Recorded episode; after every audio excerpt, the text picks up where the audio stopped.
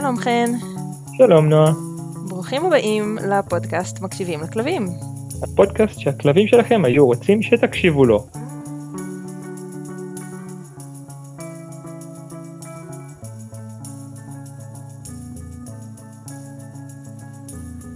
אז אנחנו מדברים על הצרכים הרגשיים של הכלב. אנחנו בשלב השני בפירמידה. כן, זה שדיברנו על זה שנחזור אליו, כי הוא העיקרי שאנחנו רוצים לעסוק בו. נכון. כי הוא העיקר, כי הוא הבסיס לכל העבודה שלנו עם הכלבים של לקוחות והלקוחות, ולכל החיים שלנו עם כלבים בעיניי.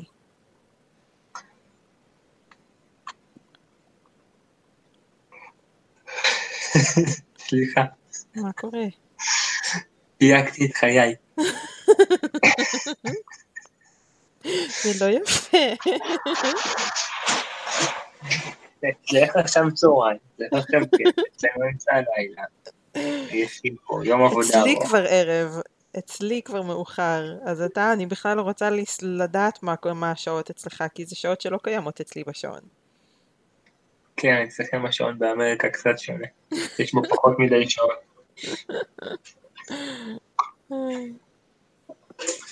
אמ, אז התחלנו להגיד, התחלנו להגיד למה הצרכים הרגישים של הכלב רלוונטיים. למה אנחנו מדברים על זה בכלל? תראה, אני, אני יכול להגיד ולציין ש... כמו שאמרנו, כל הפירמידה הזאת מחולקת בצורה שאם אנחנו לא ניתן את הדבר הראשון, לא נוכל לעבור לבא, אם לא ניתן את הבא, לא נוכל להתקדם קדימה בפירמידה, שכמובן כן. הדבר הראשון בפירמידה היה הדברים הביולוגיים, שהם היו מאוד מאוד מובן מאליו, וקצת נכנסנו אליהם ועשינו להם סדר למי שזה לא מובן מאליו, למי שלא גידל כלבים, למי שלא מכיר, למי שלא יודע, קצת נגענו בכל הדברים.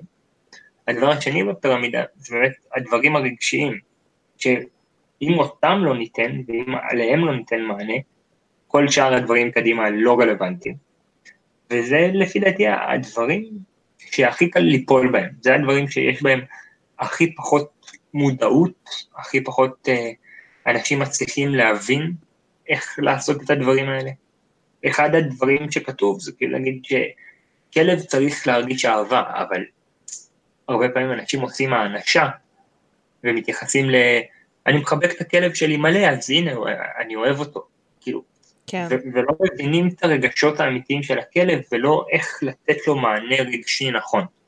כן. ו- ואני חושב שזה באמת כאילו איזשהו תחום שפה אנחנו באמת צריכים לנסות כמה שנצליח ל- ללמד את הקהל, את הצופים, את המקשיבים. אני חושבת שגם יש הרבה מיתוסים סביב הנושא של רגשות של כלבים. למשל זה שהם מרגישים אשמה כשאנחנו חוזרים הביתה והם הפכו את הפח או עשו קקי או פיפי על השטיח, אז הם נראים אשמים ברגע שאנחנו נכנסים הביתה. שזה לגמרי מיתוס, כלבים אין להם את הרגש הזה של אשמה. כי רמת התפתחות הקוגניטיבית שלהם היא בערך כמו של ילד בן שנתיים וחצי, ולילד בן שנתיים וחצי אין יכולת להרגיש אשמה, הוא עוד לא התפתח מנטלית לשלב הזה, זה קורה בגילאים יותר מאוחרים פשוט. אז זה שהכלב נראה במרכאות אשם, זה לא כי הוא באמת אשם. ואני חושבת שיש ככה כל מיני רגשות או מניעים שאנשים מייחסים לכלבים שלהם, שהם לא האמת, הם לא מה שאנחנו באמת יודעים על הכלב ועל איך הוא חווה את העולם ואת החיים ואותנו. אני, אני נתקלתי באין סוף מקרים של אנשים שבאו והתחילו לדובב לי את הכלב שלהם, הכלב שלי מרגיש ככה וככה, ואני נכנס, והוא יודע ככה וככה, אז הוא עושה ככה וככה, כי הוא מרגיש ככה וככה, והוא ככה וככה. וניסיתי להסביר להם, תקשיבו, יכול להיות שאתם טועים, ויכול להיות שזה עולם אחר, והם פשוט לא, לא מוכנים להקשיב. אני נתקלתי באין סוף אנשים שמציירים לעצמם איזשהו ציור דמיוני חמוד ונחמד, לרוב הוא לא תמיד חמוד ונחמד, אבל הוא בדרך כלל לא מקושר למציאות, והם אטומים ל... לראות שאולי קורה שם משהו אחר, להבין שבעצם הכלב לא יכול להגיע לגלם את הדמות בסיפור הזאת שהם מפנטזים לעצמם. למה אתה חושב שהם אטומים לזה? אמ, מה הסיבה בעיניך? ההילחמויות בגרסאות שונות. על לנסות להסביר להם והם ממשיכים להתעקש, לא, לא, לא, אבל הכלב שלי הוא באמת יודע להרגיש שאני כועס, הכלב שלי הוא, הוא חכם. כל ההתעקשויות כאלה של... כן. אני חושבת שאולי יש משהו בזה שפשוט אנחנו כיצורים, כבני אדם, לא מתוכנתים להתמודד עם שינויים. אמ, וכשמישהו בא ומציג לנו תמונה כל כך שונה של המציאות ממה שחשבנו, המוח שלנו פשוט אוטומטית מתנגד. המוח שלנו, המטרה שלו היא להגן עלינו, והמוח שלנו פשוט מתחיל לצעוק שם בראש של לא, לא, לא, לא, זה מה פתאום, זה לא ככה. ואז הוא מוצא כל מיני תירוצים, כמו הכלב שלי הוא אמנם לברדור, אבל הוא יחיד ומיוחד ושונה מכל לברדורים בעולם. וזה פשוט מנגנון... כמו הלברדור שלה. כן, הלברדור שלי באמת שונה מהרבה לברדורים. הלברדור בלאי שלי החמוד. אמ, אבל אני חושבת שזה פשוט איזשהו מנגנון הגנה. אבל אולי באמת אה, בוא נעשה פרק אמ, על איזה רגשות יש לכלבים ואיך אנחנו יודעים ואיך מזהים אותם וכל זה וככה נדבר אה, על הצד הזה.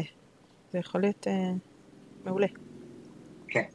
כרגע אנחנו לא נתעסק באיזה רגשות יש לכלבים, בואי, בואי נחזור על בואי איזה נחזור צרכים לצרכים, כן, יאללה. סבבה. אז הדבר הראשון זה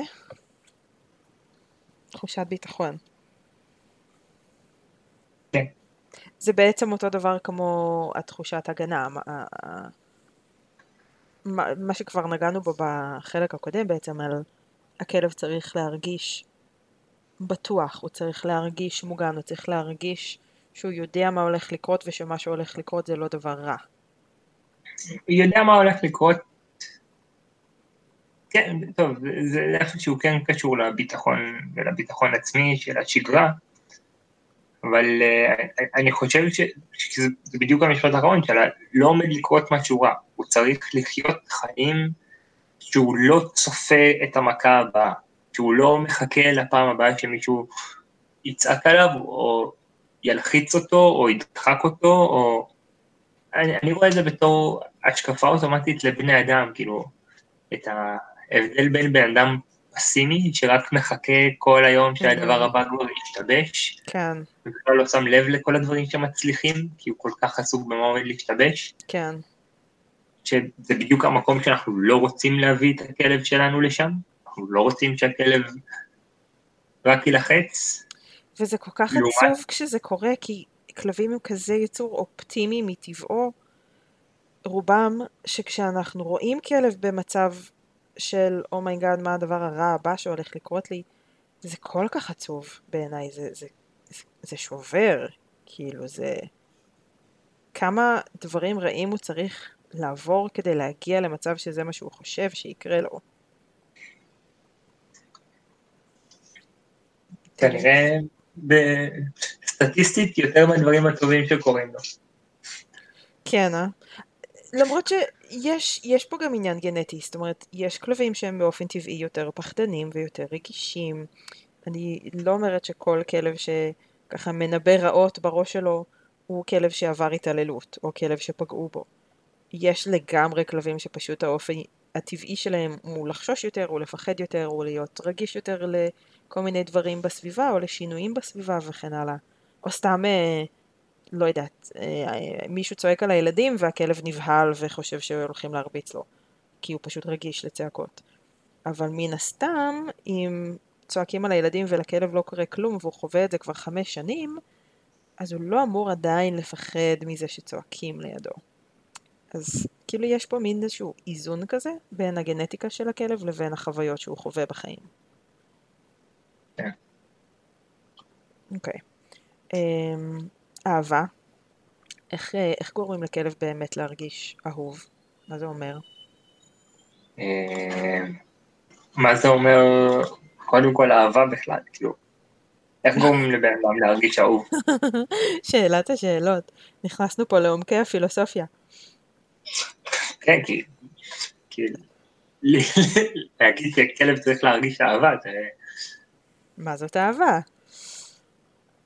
תראה, אני, אני, אני, אמ, יודעת, עזבי, את, את, את, את, אני. אני חושב שאהבה היא מסמלת איזשהו מין מושג כזה, כאילו זה קצת יותר מורכב, אבל זה בעצם אומר שאם אני עושה חיבור של כל הדברים הטובים וכל הדברים הרעים בך, אני עדיין תמיד אראה בך יותר דברים טובים, וזה לא משנה כמה דברים רעים יהיו, אני לא אפסיק את לאהוב אותך, כי הדברים הטובים שבך מנצחים. ולראות אם יש דברים טובים או רעים זה עניין של בחירה. זאת אומרת, זה לא קשור לכמה דברים רעים זה שממולי עשה או, או כמה דברים טובים הוא עשה, זה קשור לבחירה שלי לאיך אני מסתכל עליו, וברגע שאני בוחר להסתכל על, על הצעדים שלו ולרוב לנסות לשפוט אותו לחיוב, זה מבחינתי מין איזשהו סימן ל... אני כנראה אוהב את המישהו הזה. אז אם אני מגדיר צורך של כלב בלהיות נאהב, זה צורך שיסתכלו עליו באיזושהי צורה שאומרת, אני מקטין בראש שלי את הדברים הרעים שאתה עושה, אני מנסה להבליג עליהם, לקבל אותם, להבין אותם, להכיל אותם, ואני בעיקר מתמקד בדברים הטובים שאתה עושה, ומתוך זה, זה אומר שאני פשוט אוהב אותך תמיד, לא משנה מה תעשה או לא תעשה, אני תמיד אסתכל על הדברים הטובים הרבה יותר ממה שאני אתייחס ואתן מקום לדברים הרעים.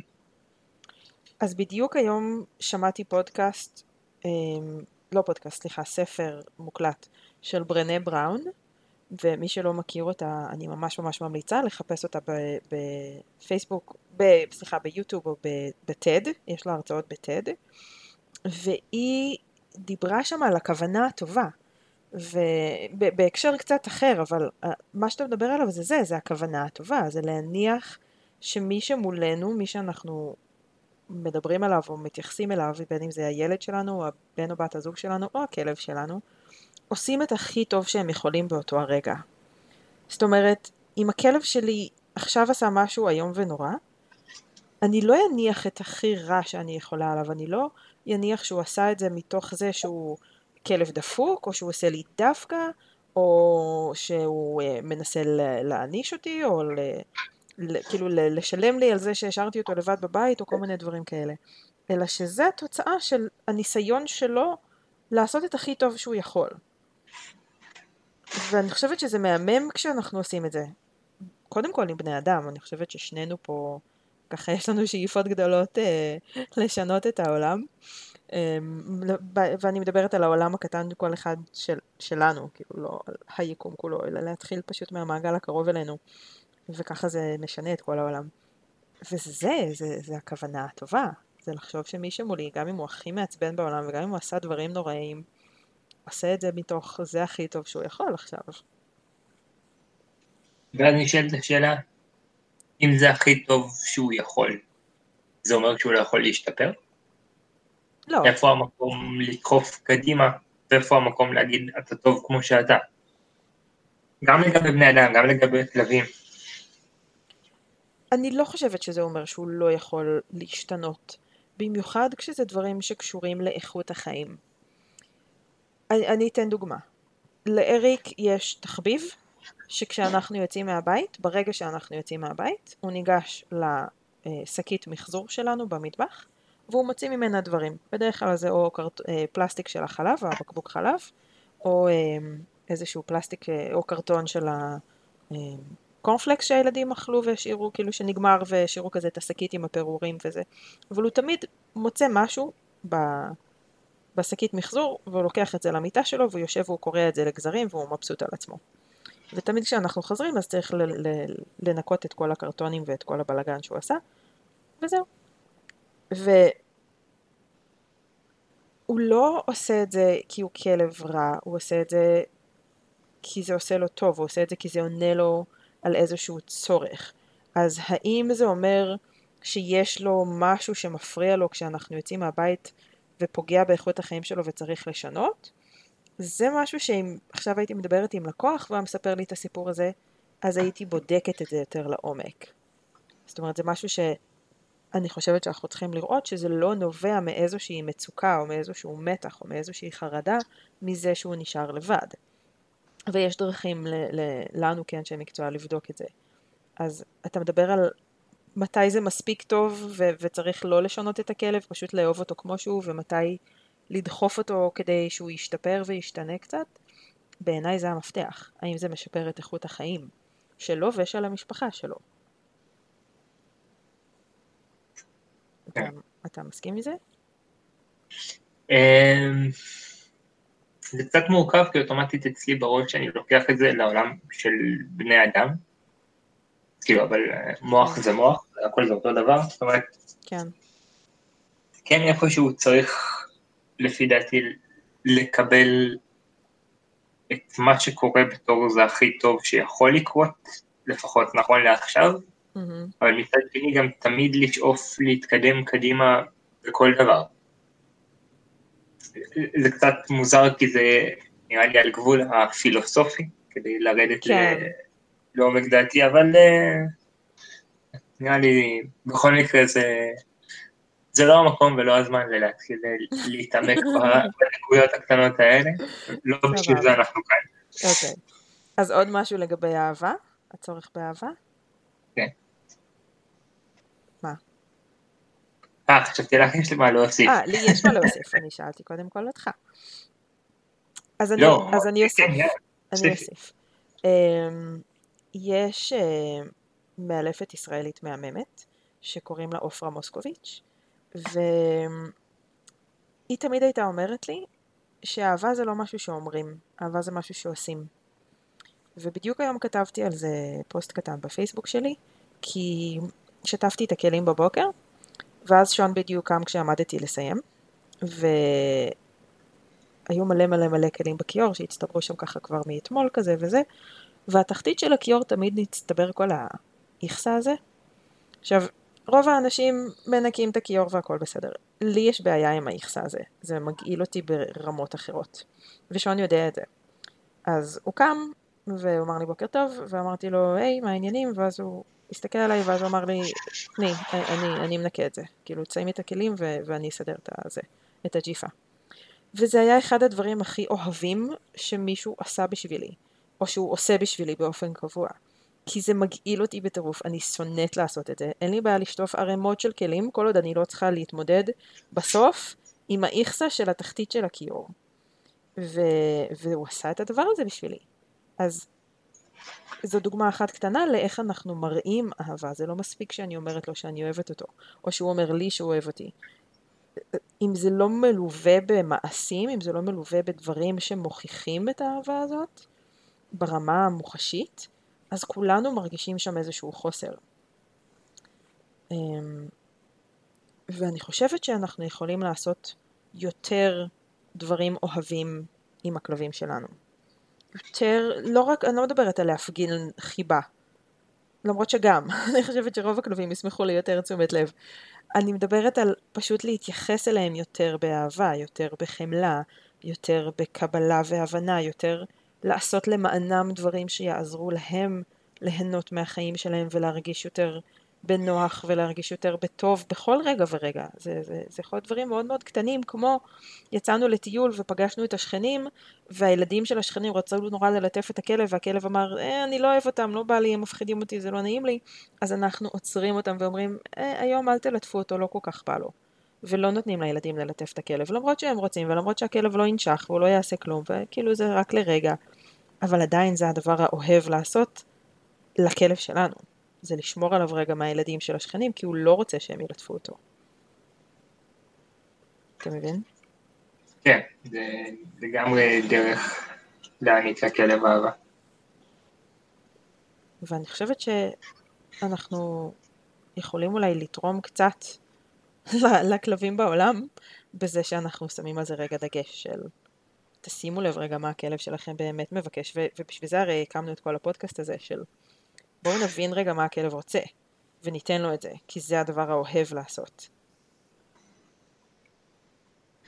אה, אני חושב, אני רק אדגיש את המשפט של מה שאמרת, זה בואו נבין מה הכלב צריך וניתן לו את זה. אני חושבת שצריך בא קודם, זאת אומרת אם מה שהכלב רוצה ומה שהכלב צריך זה שני דברים שונים, אז כן, לכו קודם כל על הצריך, אבל אני לא חושבת שזה צריך להיגמר שם. אני חושבת שזה מספיק למלא רק את הצרכים של הכלב ושם זה נגמר. כי... כי זה לא מספיק. כאילו... גם זה... אם אנחנו מדברים בצרכים על כל הדברים שדיברנו, גם על הצרכים הרגשיים וגם על הצרכים החברתיים והאימון והקוגנטיביים. לא, אם אנחנו מדברים גם על הצרכים הרגשיים והקוגניטיביים, אז, אז כן, אז זה לגמרי מספיק. אבל כשאנחנו, כשאנשים בדרך כלל מדברים על מה הכלב צריך, אז מה, אני מביא לו אוכל, ויש לו מים, והוא גר בבית, ויש לו גג, וכאילו, מה, מה עוד הוא צריך? נכון. אז כזה, כאילו... אז כן, אנחנו עונים על כל מה שהוא צריך פיזית, אבל נפשית לא. אז אבל כשאני אומר שלענות על כל מה שכלב צריך, אני יוצא מתוך נקודת הנחה שאנשים איתנו כבר ארבע פרקים בנושא של מה כלב צריך וצרכים של כלב, והם מבינים על מה אני מדבר. אוקיי, סבבה. אז, אז כן, אז זה מספיק. וגם אנחנו נדבר אה, בהמשך על הסימנים, על הכוס הרגשית של הכלב ואיך ממלאים אותה, והדברים האלו הם לגמרי דברים שגם מראים אהבה. טוב, אז מה הלאה? אמון? אמון. איך אני בונה אצל כלב אמון? זה ניסוח? מה זה יפה של השאלה הזאת? מה זה אמון? אה, אם אני חושב על מישהו שיש לי אמון בו, זה אמון א' בזה שהוא לא עובד עליי ומשקר אותי ומתמרן אותי. כן. זאת אומרת, הוא לא מנסה להוציא אינטרסים אישיים שלו על חשבוני, מהמם. ומצד שני זה מישהו שאני יודע שלא לא יפגע בי. לפחות כאילו לא בכוונה, כאילו, אבל מישהו שאין לו כוונות לפגוע בי. אוקיי. אז אני חושבת שעם כלבים לא בטוח שיש את האלמנט של האינטרסים, כי הם לא חושבים ככה על העולם. כמו שהכלב לא יושב ומתכנן איך הוא ישתלט לנו על, ה, על החיים. אמ, אבל כן העניין הזה של הוא לא יפגע בי, הוא ממש ממש חשוב פה. זאת אומרת, מה זה חשוב? הוא קריטי פה. כי אם הכלב מרגיש שעלולים לפגוע בו, אז אין לו אמון. לא באנשים שלו ולא בע... לא בעולם כמקום לחיות בו. הבעיה אז היא... איך, ה- איך. בונים אמון? זהו, אני חושבת שהרבה פעמים הבעיה היא בזה שאנשים, התמונה שיש להם בראש לגבי מה זה אמון, והתמונה שיש לכלב שלהם בראש לגבי מה זה אמון, או מה שובר אמון יותר נכון, אלו שתי תמונות שונות. זאת אומרת, הלקוח יכול לבוא ולהגיד לי, אמ, הוא בסדר עם מקלחות. אני לוקח אותו למקלחת ואני מכניס אותו לאמבטיה והוא עומד שם בסדר והוא בשקט ואני מקלח אותו והכל בסדר. ובינתיים הכלב אומר, אלוהים אדירים, למה לעזאזל כל שישה שבועות או כל חודש אתם עושים לי את הדבר הנורא והאיום הזה, מרימים אותי, לוקחים אותי, שמים אותי, מרטיבים אותי, מקרצפים אותי, אני לא יכול לזוז, אני לא, אני, לא נעים לי, קר לי, כאילו, אתה מבין, החוויה של הכלב היא הפוכה לחלוטין ממה שהבעלים מרגיש, מה שהלקוח מרגיש. והלקוח בכלל לא מזהה שיש כאן אלמנט של שבירת אמון. כי הם עושים משהו טוב לטובת הכלב, הכלב צריך מקלחת, הכלב צריך שהפרווה שלו לא תהיה כולה קשרים ובלאגנים, אבל הכלב חווה את זה בתור איזושהי חוויה נוראית, ו- ו- ואפילו אלימה אולי, מבחינת הכלב. תלוי בדקויות של הביצוע. אוקיי, אז כאילו, זה, זה, זה בעצם סביב הכל אותו דבר. זאת אומרת, זה, זה איפשהו מחזיר לאותו מקום של אהבה. זאת אומרת, תקשיב לכלב. זה, זה, זה בגדול נשמע לי מסכם את כל הדברים האלה, כאילו, כי, כי ברגע שבאמת אתה מקשיב לכלב, אתה לא תשבור לו את האמון, אתה לא, אתה לא תפגע בו ברגע שתקשיב ותדע לזהות של הכלב אומר לך, אני כרגע נפגע, אני כרגע בלחץ, אני כרגע לא טוב לי, תעצור את זה. אבל הכלב צריך מקלחת. זאת אומרת, אריק צריך שאני אגזור לו ציפורניים. והוא לא אוהב את זה. ואני יכולה לעשות את הדבר האוהב במרכאות או שלא במרכאות, ולא לגזור לו ציפורניים כי הוא לא אוהב את זה, ואני לא אשים אותו בסיטואציות שהוא לא אוהב, אבל הוא צריך שיגזרו לו ציפורניים, הציפורניים שלו ארוכות, ו- אם הם יתארכו עוד אז זה יתחיל לשבש את איך שהוא הולך ולפגוע בו פיזית. אז מה הדבר האוהב לעשות, לגזור או לא לגזור? לשלוח אותו למישהו אחר שיגזור לו. ואז הוא עדיין יחווה פחד. הוא יפגע באמון של מישהו אחר, לא בשלך. Mm. זה, זה הפתרון הקל. כן, הפתרון הקשה זה מן הסתם לעשות אה, עבודה ממושכת להרגלה וללמידה ולהפוך את התהליך הלא נעים לאיזשהו תהליך של משחק כיפי ולגרום לכלב לאהוב לחוות את הדבר הזה שהוא לא אהב כחלק מההבנה שלנו לכלב. בשאיפה. כן, כן, אבל כן, זה- וזה גם, וזה גם טיפה מחזיר אותנו לחלק מהצרכים הפיזיים של הכלב, שזה כן לקבל טיפול רפואי, כן לקבל את הטיפוח שהוא זקוק לו, כשהוא זקוק לו, אבל בואו נעשה את זה בצורה שהכלב מרגיש אם זה בסדר, שאנחנו לא שוברים אמון מול הכלב רק כי הוא צריך עכשיו טיפות אוזניים, או לקבל זריקה אצל הווטרינר. וזה משהו שאני חושבת שרק מתחילים לגעת בו בימים האלו, אמ, של איך בעצם אפשר ללמד כלבים, או בכלל בעלי חיים, לשתף איתנו פעולה, בטיפול בהם. אני יודע מעולמי שבגני חיות זה משהו שבכל רחבי העולם, זה משהו שב-10-20 שנה האחרונות, זה משהו שממש מקפידים עליו, כן, שבמקום שטיפול רפואי יהווה משהו שהוא גורם סטרס כל כך גדול, שגרם גם לאבדות, זאת אומרת לחיות שמתו מהתקף לב, כי צריך לקבל חיסונים, אבל אין מה לעשות, חייב לתת אותם. כן, למדו לתקשר עם חיות, וזה לא משנה אם זה עופות או קופים או פילים, שלימדו אותם בדרכים חיוביות לבוא ולהיות חלק פעיל בטיפול, כן, דברים שמדהים לראות. לגמרי, ו...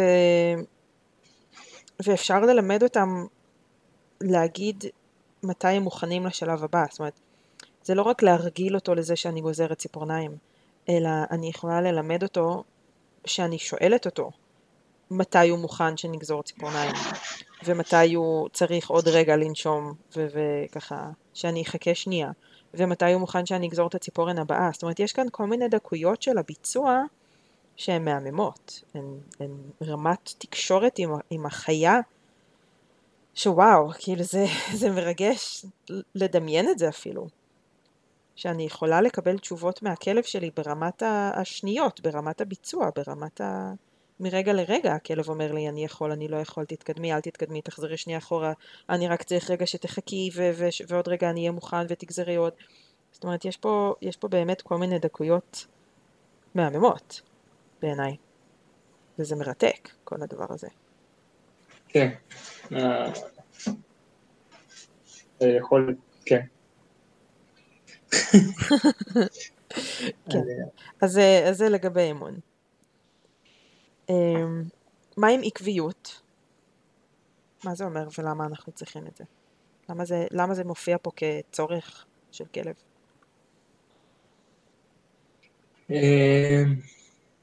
אני עוד פעם לוקח את זה לעולם של בני אדם, זה אוטומטית קופץ לי בתור אה, אבא יחסית טרי, וכל הקונספט של ילדים ותינוק, כלבים ותינוקות, זה כאילו מרגיש לי שזה אותו דבר.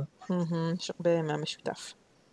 כן, אז כל הזמן מדברים על זה שתינוקות צריכים שיהיה להם שגרה, צריכים להיות, שתהיה להם איזושהי עקביות, כי בעצם זה מגדיל להם, מגדיל להם את אותו תחושת ביטחון שדיברנו עליה בהתחלה, כי ברגע שאתה יודע לצפות מה עומד לקרות, ברגע שיש לך שגרה, ברגע שיש לך עקביות, ברגע שאתה יודע שכל יום בשעה מסוימת תהיה אוכל, בשעה מסוימת תהיה טיול, הרבה סטרס נעלם, יש לך הרבה ביטחון, אתה, אתה לא צריך להתחיל לדאוג ממתי אוכלים, מתי אוכלים, מתי אוכלים, כי אתה יודע, כל יום בשמונה בבוקר אוכלים, בשמונה בערב אוכלים, ואתה נורא שלב עם זה ורגוע בתחום הזה, וזה נכון לגבי כל תחום, זאת אומרת, כן, כל, כל דבר שאתה יודע לנבא שעומד לקרות, ואתה יודע שיהיה לך איזשהו משהו שאתה צריך, אבל אתה יודע שהוא עומד להגיע, יוריד לך את כמות הלחץ והסטרס מהצורך לנסות להיאבק על המשהו הזה, כי אתה יודע שהוא יבוא, כי זה מגדיל לך עוד פעם את הביטחון שאתה צופה מתוך ידיעה מה עומד לקרות. אני לגמרי מסכימה איתך, אמ, עם שינוי אחד קטן, וזה שאני לא, אני אישית לא מאכילה את הכלבים שלי בדיוק באותה השעה כל יום, אלא פחות או יותר באותה השעה כל יום. כי אני חושבת שאם הם רגילים שאנחנו מדייקים ברמת הדקות, ויש לנו חברים שהכלבים שלה לגמרי יודעים בשעה 5:00 הם ניגשים למטבח. ו- ובחמישה לחמש הם כבר מתכוננים לגשת למטבח, ואם השעה חמש וחמישה אז הם כבר בלחץ של וואו, עוד לא אכלנו. וזה בעיניי איזושהי נקודה שעלולה להוסיף סטרס לכלב. כי הוא ציפה למשהו בדיוק בשעה חמש אפס אפס וזה לא קרה. או בדיוק בשמונה בבוקר, או בדיוק ברגע שהתעוררנו. ולפעמים אנחנו קמים עייפים, ולפעמים אנחנו קמים מאוחר, ולפעמים... whatever. אז כן יש איזושהי, איזשהו צורך בעקביות ובשגרתיות, אבל בואו לא נעשה את זה ברמת הדקות, אלא אולי ברמת השעה, פלוס מינוס. אמ, וזה כמובן צריך גם להתאים לכל משפחה, זאת אומרת, לא חייבים להאכיל בשמונה ובשמונה, אפשר להאכיל גם בתשע ובשש, או מתי שנוח לכם ועובד לכם ולכלב. אני חושבת שעקביות זה גם שהכלב יודע לנבא תגובות. וזה לגמרי מתקשר גם לאמון. זאת אומרת, הכלב צריך לדעת איך אנחנו עומדים להגיב לכל מיני מצבים שקשורים אליו. כי אם הכלב פעם אחת צועקים אליו ופעם אחת צוחקים כשהוא עושה משהו, ופעם אחת מלטפים אותו ופעם אחת נותנים לו צ'ופרים כשהוא עושה משהו ופעם אחת מרביצים לו עם הנעל כשהוא עושה משהו, וזה הכל על אותו המשהו הזה, תלוי ב, בשעה של היום, תלוי בבן אדם שעושה את זה מולו, תלוי בסיטואציה, תלוי במצב רוח שלנו, אז אין לכלב שום עקביות, ואז הוא לא יודע מה בכלל אנחנו רוצים מחייו, ואז הוא לא יודע איך להתנהג ומה מצופה ממנו. וזה מוסיף המון המון המון המון סטרס. זאת אומרת, מספיק שמישהו אחד מסכים שהכלב יעלה לספה ומעודד את זה ומזמין אותו ומתקרבל איתו על הספה, ואז מישהו אחר נכנס לחדר וצועק עליו ומגרש אותו מהספה, ואז הכלב יש לו איזשהו אלמנט של סטרס סביב סיטואציה שיש בספה. כי הוא לא יודע מה יהיה, הוא לא יודע היום יצעקו עליי, היום לא יצעקו עליי. וזה יכול להיות uh, הבדל בין אנשים, למשל הילדים שמגניבים את הכלב אל הספה כשאימא לא רואה, ואז אימא נכנסת הביתה או אבא וצועקים עליהם שהם uh, העלו את הכלב על הספה ואסור לו, לבין אם זה אה, מותר לכלב על הספה, אבל ירד גשם, או הכלב התפלש במשהו מסריח בחוץ, ועכשיו אנחנו לא רוצים שהוא יעלה על הספה, אז אנחנו צועקים עליו כי הוא יחתים את הספה. ואז הכלב לא מבין, אבל אתמול היה מותר לי לעלות על הספה, מה אתם רוצים ממני? אז עקביות זה גם זה, זה לחשוב קדימה איך אנחנו רוצים שהכלב יגיב בסיטואציות ולנסות לצפות ולנבא מראש איך אנחנו נגיב, ואם אנחנו לא רוצים שהכלב אה, 40 קילו או 30 קילו שלנו יקפוץ על אנשים, אז לא, אנחנו לא ניתן לו לעשות את זה גם כשהוא 10 קילו או 5 קילו, כי הוא גור קטן וחמוד עדיין. anyway, אז הגענו למנהיגות אוהבת. או, שזה נושא גדול. זה נושא מעולה לסיים איתו את הפרק הזה. מה, רגע, אבל מה עם הכוס? כוס הרגשית בפרק הבא. מה, אנחנו עוד לא מסיימים עם זה? לא.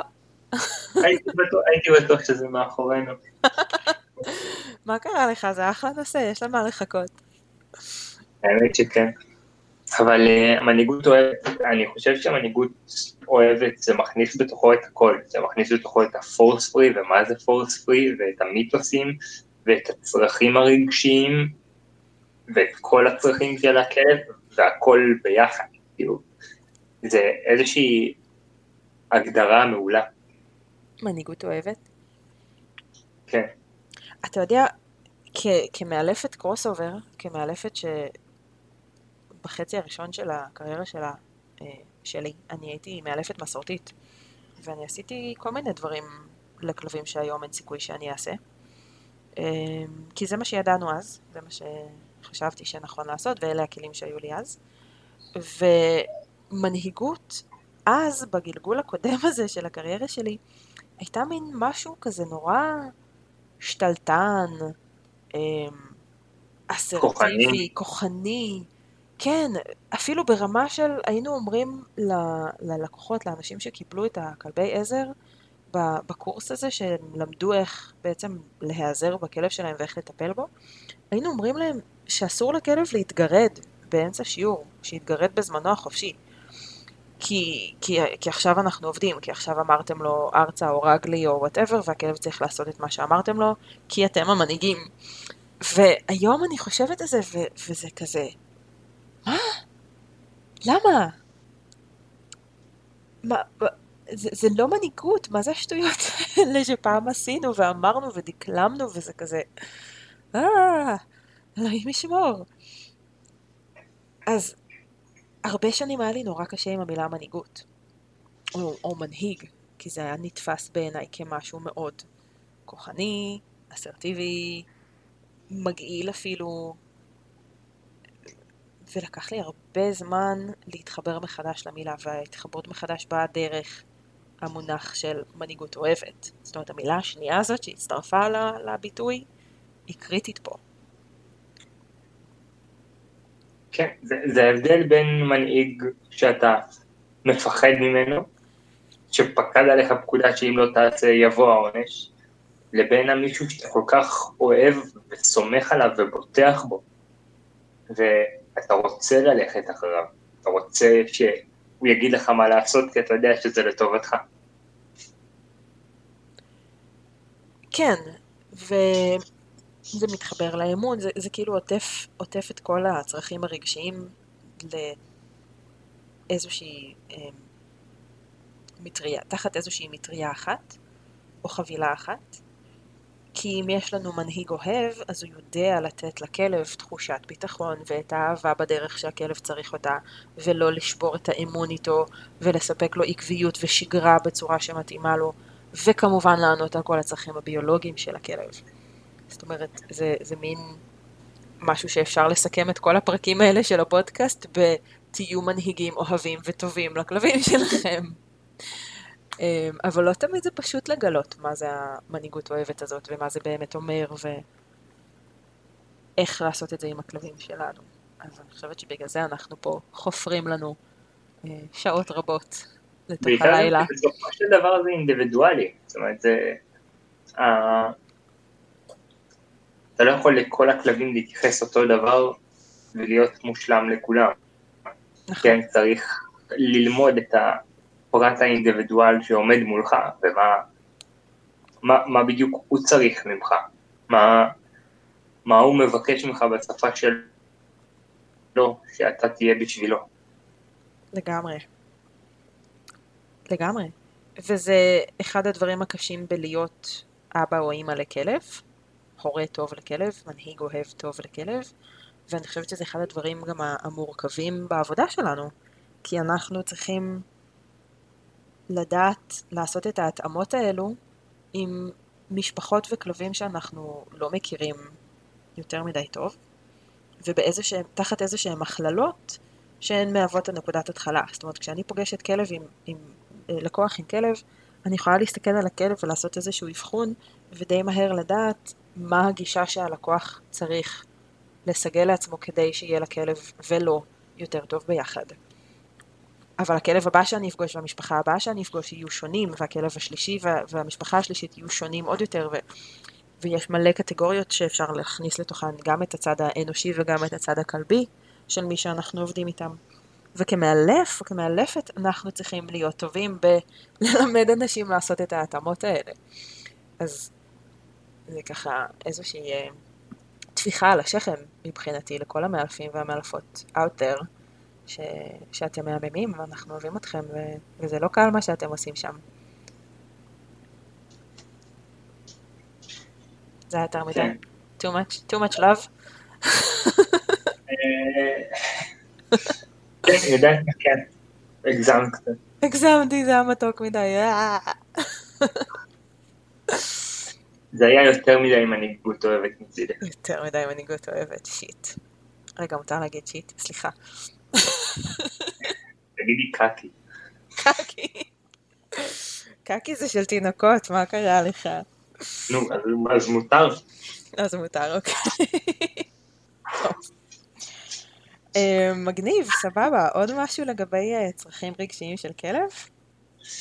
כן, אני חושב שאנחנו, אני לא יודע אם משה הוריד את זה בעריכה או השאיר בעריכה, אבל uh, אנחנו נעשה ככה איזה טיזרון קטן להמשך, שבעצם מפה אנחנו, הפרק הבא זה יהיה הפרק שבו אנחנו נסיים את הדיון על הצרכים של הכלב, אנחנו נדון על הכוס הרגשית, ש... בואי תספרי לנו קצת על, עליהם ועל שרה ולילי. הכוס הרגשית זה משהו שאני ראיתי אותו בתור אינפוגרפיק, בתור איור עם כיתוב, עם כיתובים, והם בעצם ישבו ו- וציירו וכתבו, שרה אורינגס כתבה ולילי צ'ין העירה, דברים שאנחנו יכולים לעשות כדי קודם כל לזהות מתי הכוס הרגשית של הכלב מתרוקנת, ומה אפשר לעשות עם זה, ואיך אפשר למלא לו בחזרה את הכוס הרגשית. וזה איזושהי דרך להסתכל על המצב הרגשי של הכלב כרגע, ולהבין את ההתנהגות שלו לטובה ולרעה, דרך העדשה הזאת של האם הכוס הרגשית שלו מלאה ואז הכל טוב, או האם הכוס הרגשית שלו ריקה ואז הוא במצוקה ואז הוא עושה דברים שפחות מקובלים עלינו. ויש להם כל מיני דוגמאות וכל מיני אה, דברים פרקטיים מאוד מאוד שאפשר לעשות כאן, וזה ממש, אה, בעיניי זו עדשה מאוד יפה ללמוד אותה. וכל זאת ועוד בפרק הבא. בפרק הבא.